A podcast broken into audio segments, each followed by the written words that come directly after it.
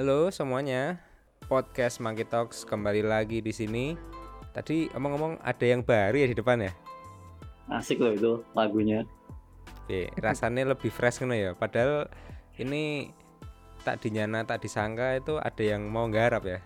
Proyek solo. Yoi dan untuk mengapresiasi sang pencipta jingle ini secara spesial kita mau mengundang kreatornya karena ternyata yang mau menggarap ini yo konco dewe zaman ben-benan biyen ya kayak Oh.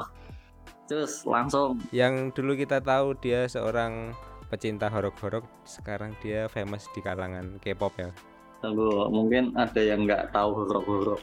iya horok-horok ini maksudnya maksudnya yang bergetar-bergetar tuh loh kayak metal metalan. ya metal-metalan nah head headbanger headbanger oke kita langsung Nah, kenalkan tamu kita kali ini Yudis Halo teman-teman. Guys, ya kabar Yudis Alhamdulillah baik walaupun pandemi kayak gini tapi ya kita harus tetap semangat ya. yoi coba Halo. semangat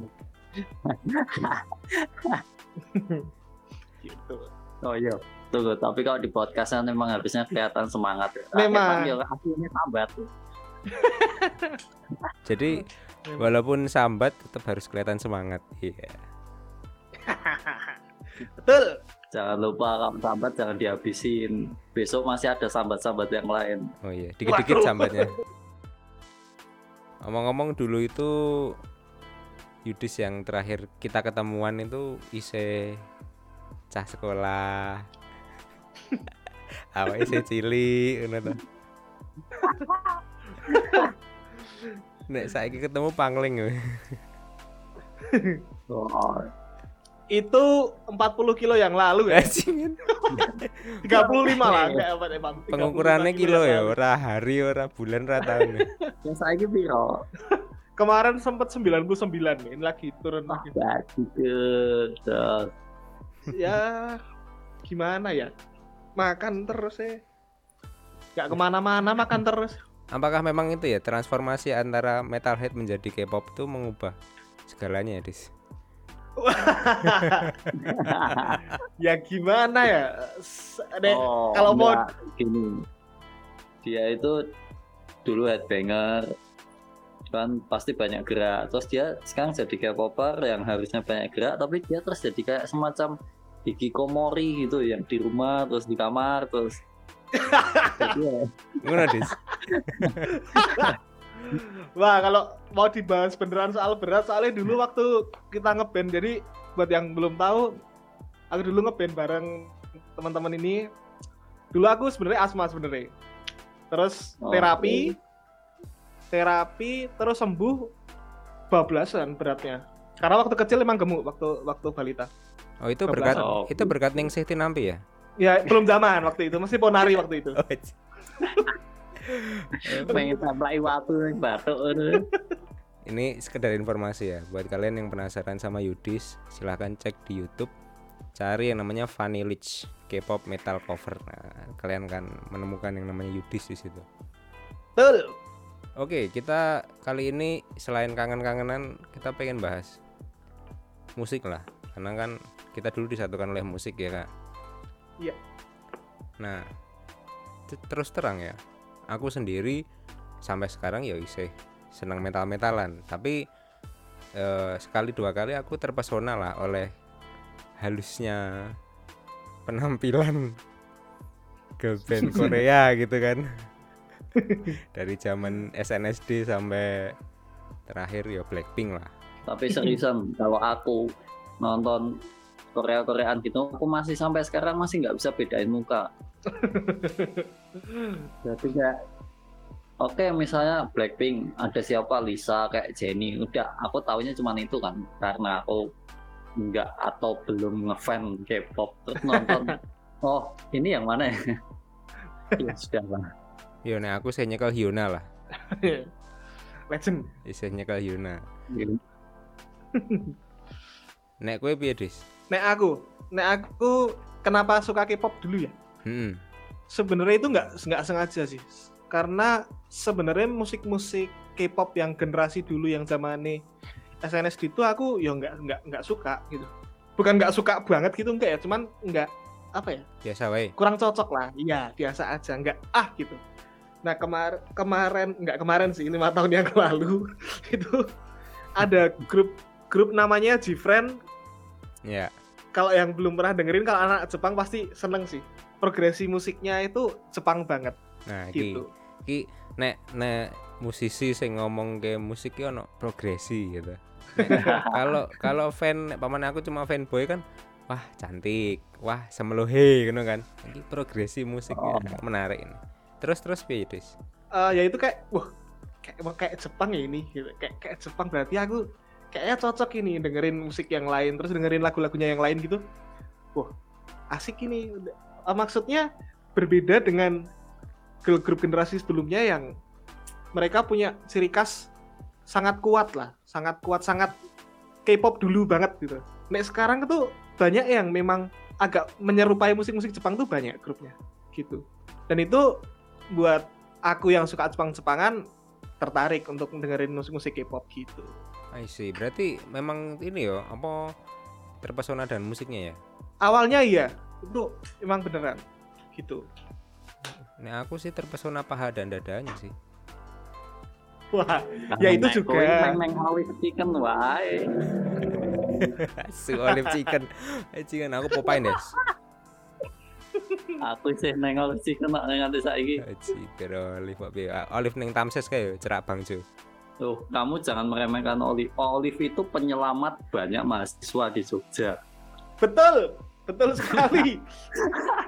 Iki kita Arab dadak thread wae yo. Kita eh, review ayam goreng terbaik di Jogja kita seru ya.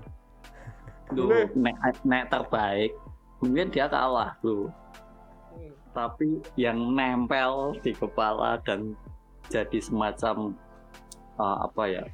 Mungkin nostalgia atau semacam sesuatu yang membuat mereka bertahan hidup ketika duit belum dikirim nih, akhir bulan itu ya Sik to. oh, Lah, Kok Yudis mengiyakan wong dhek gari mulih ning omah lho. Ya enggak sebenarnya. Soalnya Olive udah di mana-mana dan GrabFood lebih murah daripada pulang pakai bensin toh. Orang aku tak studio dewi sama orang tua. jadi tema malam hari ini adalah olive. Ganti ya. Kok malah malih, Cuk. Terus ngene, ngomong ngomong ke soal K-pop mau yo. Nek nek akeh mau kan cerita eh, baginya sulit untuk membedakan eh, rupa ya, rupa penyanyi atau yang membawakan musik itu. Tapi nek nek menurut akeh dhewe iki musik iki enak ra? Apa biasa wae?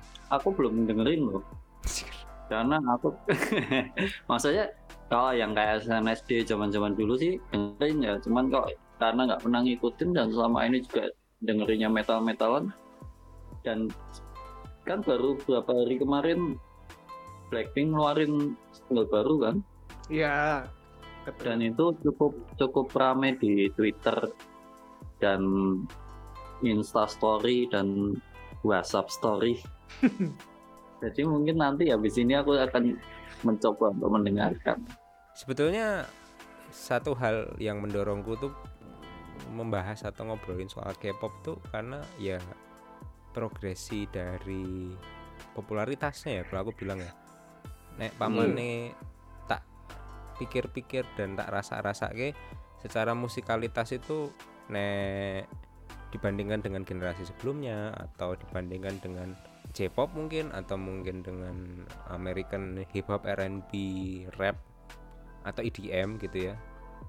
Itu aku merasa itu percampuran di antaranya itu loh. Tapi yang aku lihat itu kejeniusan mereka tuh bukan di situ gitu.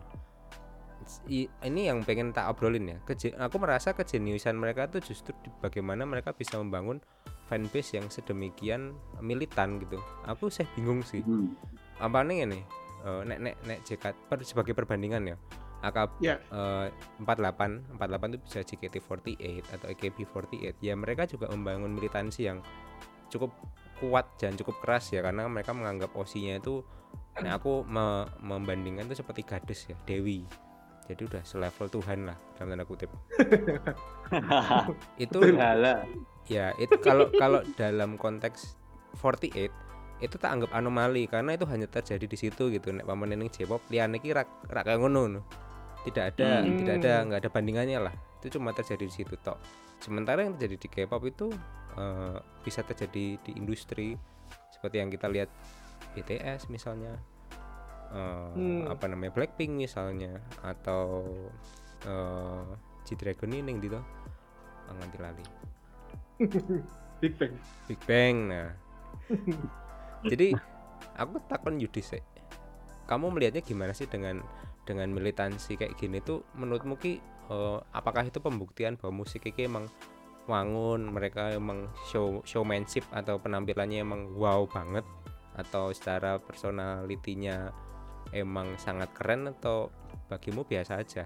Eh, nah aku lebih senang bahas soal ini ini sih. Bagaimana mereka bisa apa ya apa jenenge popul popularitasnya tuh bisa sedemikian rupa gitu loh. Mm-mm. dari dari terjadi lonjakan lah kalau Iya. dari generasi yang sebelumnya itu tuh sebenarnya ada istilahnya ada istilahnya itu namanya Korean Wave kalau di bahasa Korea nyebutnya Hallyu Hallyu oke Nah, jadi di- digambarkan sebuah ombak dari Korea yang langsung menyebar ke mana-mana. Itu nggak cuma terjadi di K-pop musik tok. Jadi nggak di musik tok, tapi juga di film, tapi juga di uh, webtoon. Webtoon itu apa namanya? Manga ya kalau di Jepang ya. manhwa nek ning Jo- ning Korea Iya, ah, manhwa. Kayak gitu. Itu tuh uh, pada tahun berapa ya? Kalau zaman dulu kayak zamannya Full House itu Pinter Jadi, Sonata film- Oh, Ah, ah, kayak Winter Sonata gitu. Aku aku juga nggak nggak nggak nggak terlalu nonton banget sih. Cuman mereka tuh kayak gelombangnya tuh berbarengan gitu loh. K-popnya yo, eh filmnya yo, ah pada waktu yang sama sehingga orang-orang negara lain juga jadi dengerin gitu loh, jadi tahu gitu. loh. Dan kenapa mereka bisa kuat banget ininya apa jenengnya industrinya Nah, karena pemerintah pun juga mendukung mereka.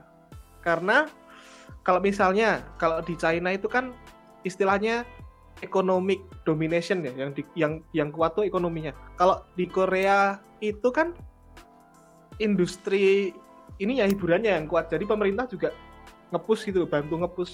Mereka entah dengan bantuan seperti apa, aku kurang tahu ya. Cuman kalau nggak salah sih kayak disubsidi atau apa gitu ya kayak bantuan langsung tunai gitu ya kayaknya enggak nih tunai kayaknya enggak sih kayaknya enggak nih tunai enggak gitu embuh dalam bentuk utang atau apa aku enggak tahu cuman memang pe- pemerintah pun juga mendukung banget industri hiburannya Korea gitu itulah yang membuat kenapa popularitasnya itu jadi sedemikian rupa kayak sekarang Eh ini menarik loh. Aku beberapa ha- baru beberapa hari yang lalu baca thread di thread di Twitter hmm, yang soal ini. Kenapa K-pop bisa meledak? hmm, Dan ya benar kata Yudis. Dari pemerintahnya sendiri mendukung dan oh dia bahas BTS. hmm, Dia bahas BTS. Kenapa BTS itu bisa segitunya? Memang dari sisi pemerintah sendiri memang mendukung. Dan Betul. BTS sendiri itu kalau entah BTS entah eh, K-pop dia itu bisa sampai mendukung apa sih DDP gross domestic product ya? Itu Ya. sampai tiga persen. Gila. Cuman dari sisi itu. Terus dari ya tadi Korean Wave itu terus Hmm. sisi marketing dan dari apa sih namanya? Bukan pengelola apa sih?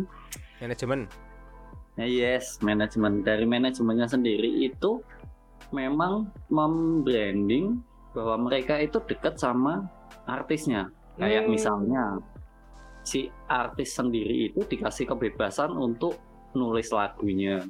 Terus bahkan mereka sendiri bikin fanbase resmi gitu. iya iya iya iya. Oke. Jadi emang bener-bener fans-fans yang seluruh dunia itu kayak semacam dikelola gitu loh, diarahkan. dimong lah Mm, yeah.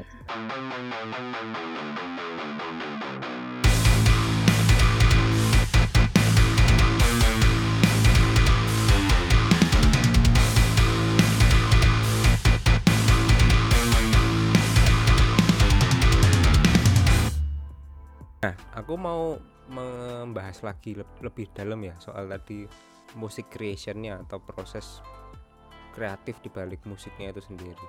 Tadi kan Ake sempat ngasih tahu bahwa si artis ini diberikan kesempatan untuk create eh, musiknya atau lagunya itu sendiri. Iya.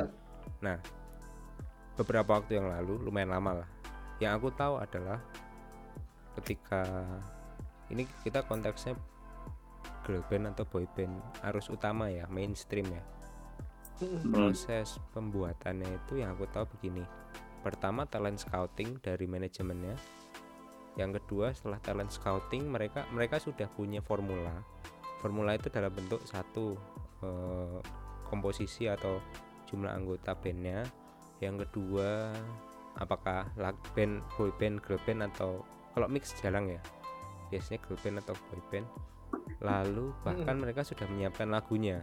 Tinggal nanti koreo jadi yang aku tahu seperti itu dulu nah kalau misalnya tadi agak cerita seperti itu berarti kan ada shifting ya mulai ada pergeseran di mana si member ini diberi kesempatan untuk berkreasi nah nek sak pemahamanmu piye dis sing mau rasake ngono rasi ketika kowe ndelok K-pop dari zaman G-Friend nganti saiki Sik, sik, sik. Kalau mereka yang bikin lagu sendiri itu memang lumayan banyak ya akhir-akhir ini. Atau memang sebenarnya dari dulu juga ada, cuman nggak diekspos aja ya. karena gini dis yang aku tahu kayak contoh seperti ini aku itu skor running man sih tapi aku nangkep seperti ini JYP J- JYP itu coba singkatannya Eh, Park Jin Young. Park Jin Young ya itu kan salah satu uh, artis manajemen yang paling gede selain SM dan dan apa sih YG. Oh, YG. Nah, JYP itu sempat bikin beberapa lagu untuk grup dan dan beberapa talent manajemen di bawahnya itu juga yang nyiap, nyiptain lagunya lah kira-kira gitu. Nyiptain lagunya, oh ini nyiptain lagu untuk grup ini, grup itu gitu loh. Sehingga aku melihatnya itu sebagai lanskap.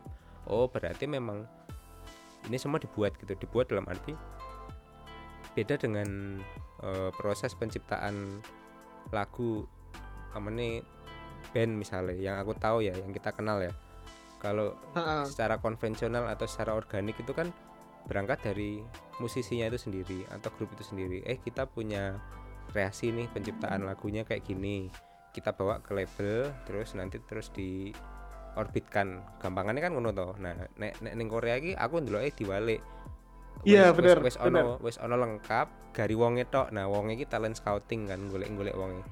Itu yang aku tahu dulu. Nah ketika sekarang si talent scouting hasil talent scouting itu ternyata eh, boleh menggunakan lagunya atau piye carane lagu iki iso diangkat berarti ono kemajuan atau atau atau ada perubahan ngono lho ngono ra iya Iya bener.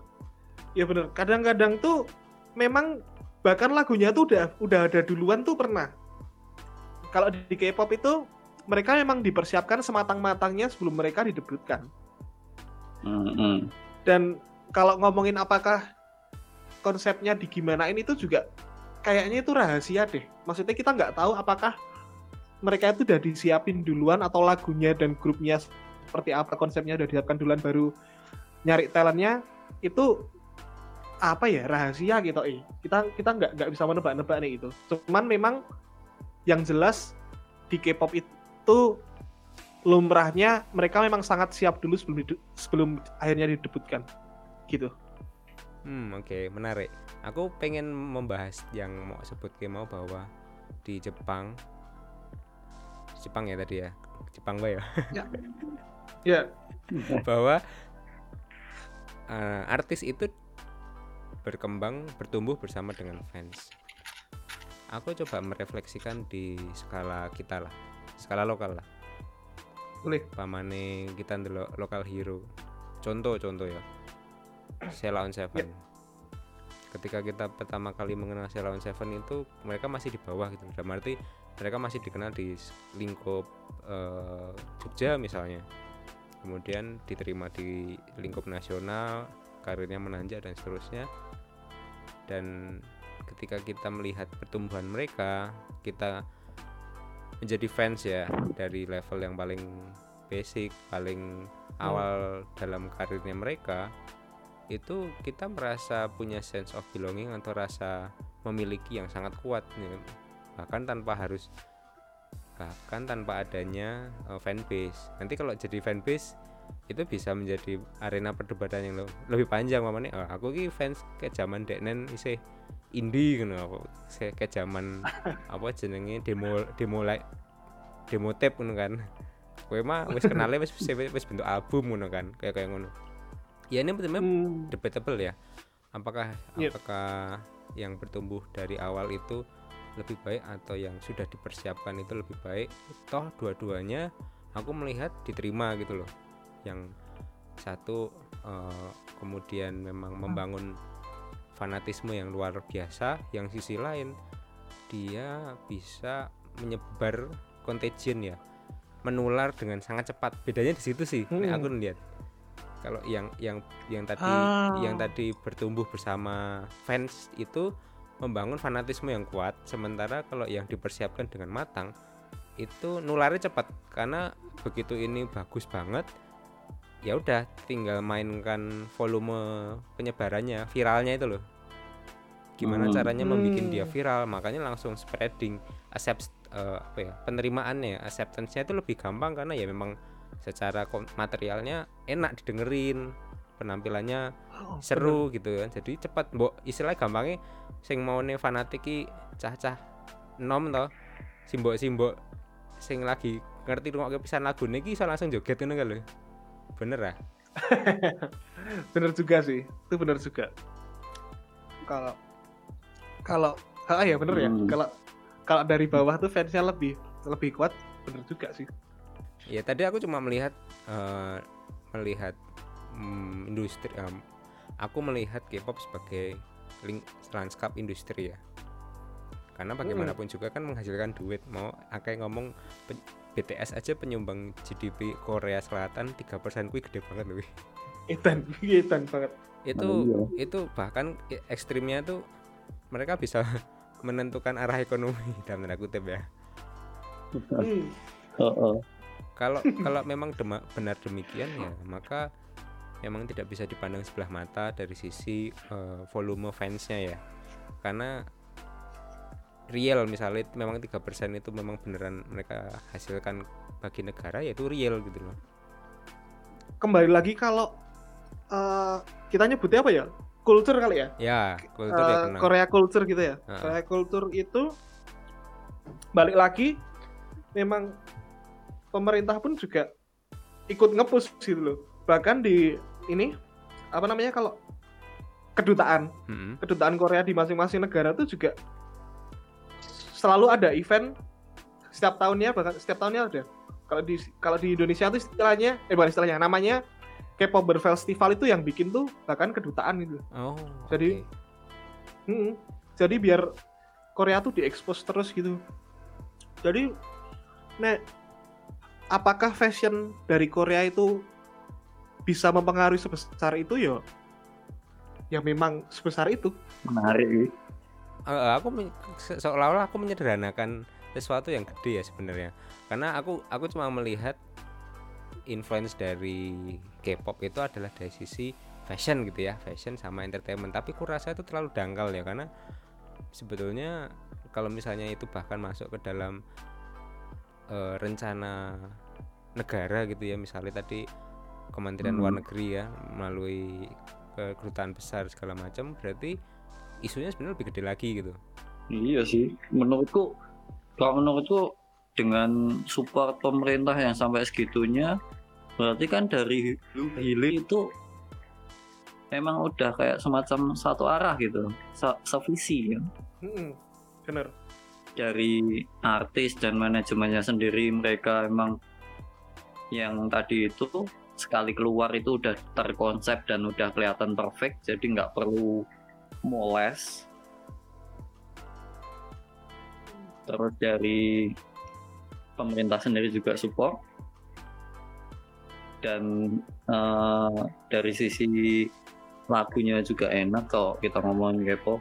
Dari sisi lagunya enak terus marketing mereka untuk mengikat dalam tanda kutip mengikat emosional fans.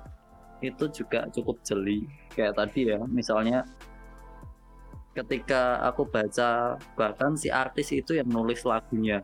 Aku kadang ya karena aku anak marketing ya kadang aku pikir ya itu bisa aja itu cuman gimmick. gimmick. Cuman gimmick. Mm-mm. ya kan? Bisa, bisa aja itu yang nulis siapa terus di aku gitu. Karena kan namanya juga marketing cuman dari sisi fans mereka nggak akan peduli itu. Iya sih.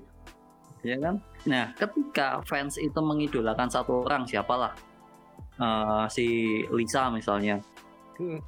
Lisa terus dia mereka tahu bahwa si Lisa itu bikin lagu itu. Mereka akan nyari liriknya memahami itu dan ih ini aku banget ya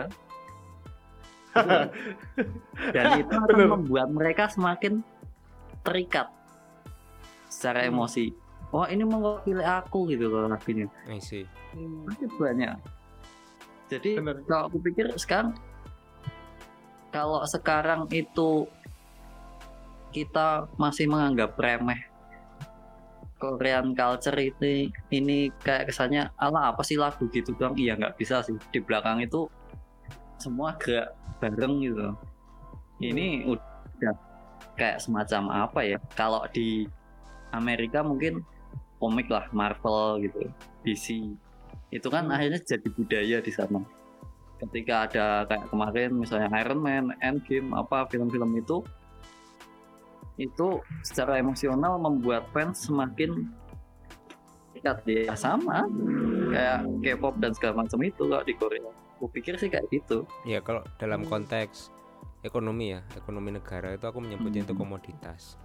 Tapi Yes. Hmm, iya iya iya benar benar tapi sebelum kita membahas mengenai komoditas tadi, dis awakmu wes tahu Ya. tahu men, ya, bukan menelaah lah Kak.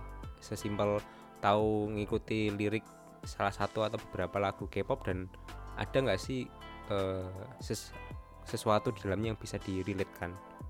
dia apa maksudnya nih ketika kowe mau liriknya terjemahannya pamane kan terjemahannya ki terus kowe ndelok wah ki liriknya di banget ki apa keren banget ngono kayak kamu pernah merasakan itu nggak pernah menemukan itu nggak Hmm, nah aku ya ngomongin soal musik sebenarnya istilah musik gak kenal bahasa tuh memang beneran sih.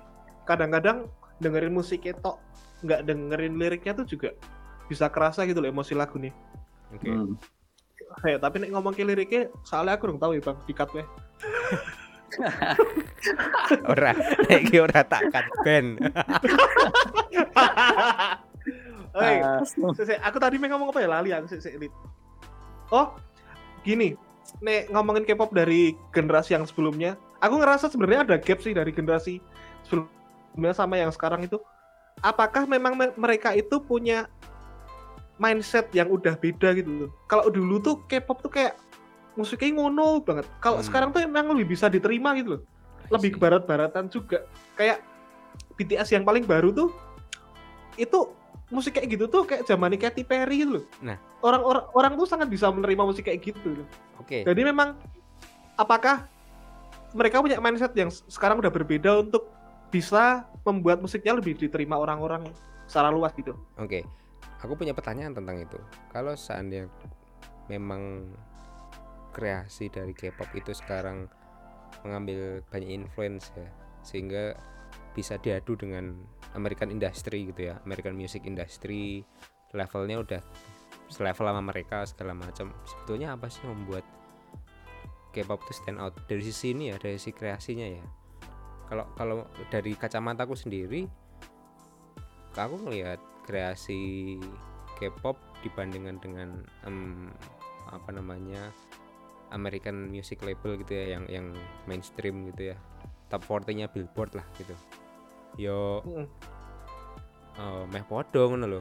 Pamane aku nggak ketika kita blind test dengerin musiknya tok ngono kan ya selain bahasa ya bahasa udah pasti. Tapi secara secara ritme secara patternnya aku tuh menemukan banyak kesamaan gitu. Jadi kayak hmm, aku tidak menemukan uniqueness yang breakthrough yang yang yang nendang banget gitu loh. Tapi mungkin Hmm. ya seperti yang kamu bilang Dis bahwa eh, tidak perlu tidak perlu pattern yang breakthrough atau yang gimana gimana selama orang bisa menerimanya dengan mudah gitu kan bisa bisa jadi Iya. gitu bang tapi nih aku dari orang yang sekarang kerjanya sebagai sound engineer aku agak ini dugaanku ya sekedar dugaanku ya kalau kenapa musik-musik yang dari Korea itu yang sekarang bisa dibilang agak ke barat-baratan gitu ya Mm-mm. agak ke barat-baratan itu bisa keterima karena jadi gini bang di au- di audio itu musiknya itu kadang kita bisa tahu musiknya ini dari daerah mana bukan nggak dari langsung kon, apa namanya negaranya ya. Tapi kita bisa tahu oh musiknya ini agak Jepang ini berarti agak Asia Timuran gitu loh. Oh ini musiknya agak barat-baratan. Kenapa bisa kayak gitu? Sebenarnya itu ada tren hmm, apa ya nyebutnya ya? Tren alat-alat yang mereka pakai. Oke. Nek, Hmm, oke. Leb- leb- lebih detailnya lagi bahkan kalau zaman dulu mungkin lebih kelihatan ya listriknya listrik listrik barat itu kan 110 toh tempat kita kan 220 kalau India 240 apa ya Ya. bahkan listriknya itu juga mempengaruhi alat rekamnya mereka Loh, ngono ya. sehingga menghasilkan sound yang berbeda Ya. jadi jadi gini nek, nek kenapa kita bisa lebih menerima yang mana Indonesia juga salah satu apa ya mangsa pasarnya Korea gitu loh mungkin karena kita bisa menerima musiknya dan eh, bungkusan audionya itu lebih kerasa keasiaannya Tahu nggak dari bungkusan audionya itu lebih lebih kita gitu loh lebih lebih dekat dengan kita gitu Leb- nggak lebih dekat dengan barat gitu. menurutku Itu ada yang kemungkinan kayak gitu itu yang kamu temukan ket- ketika menggeluti sound engineeringku ya. Iya, bener. Tapi itu sekedar dugaanku sih yang mungkin banyak orang harusnya setuju sih yang menggeluti bidang audio juga. Terima kasih telah mendengarkan podcast Monkey Talks. Kalau kalian suka dengan podcast ini, share di Instagram dan ikuti terus podcast Monkey Talks di Spotify, Apple Podcast, dan juga di YouTube. Sampai jumpa di episode berikutnya.